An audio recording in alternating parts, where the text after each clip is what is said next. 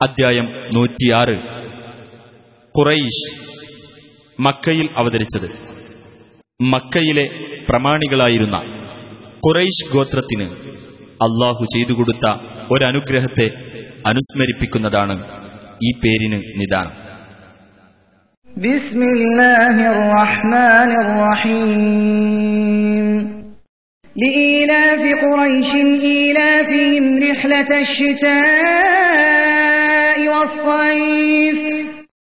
കുറൈഷ് ഗോത്രത്തെ കൂട്ടിയിണക്കിയതിനാൽ ശൈത്യകാലത്തെയും ഉഷ്ണകാലത്തെയും യാത്രയുമായി അവരെ കൂട്ടിയിണക്കിയതിനാൽ.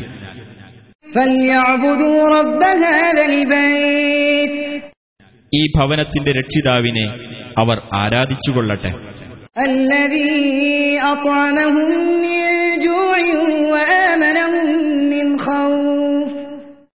അതായത് അവർക്ക് വിശപ്പിന് ആഹാരം നൽകുകയും ഭയത്തിന് പകരം സമാധാനം നൽകുകയും ചെയ്തവനെ.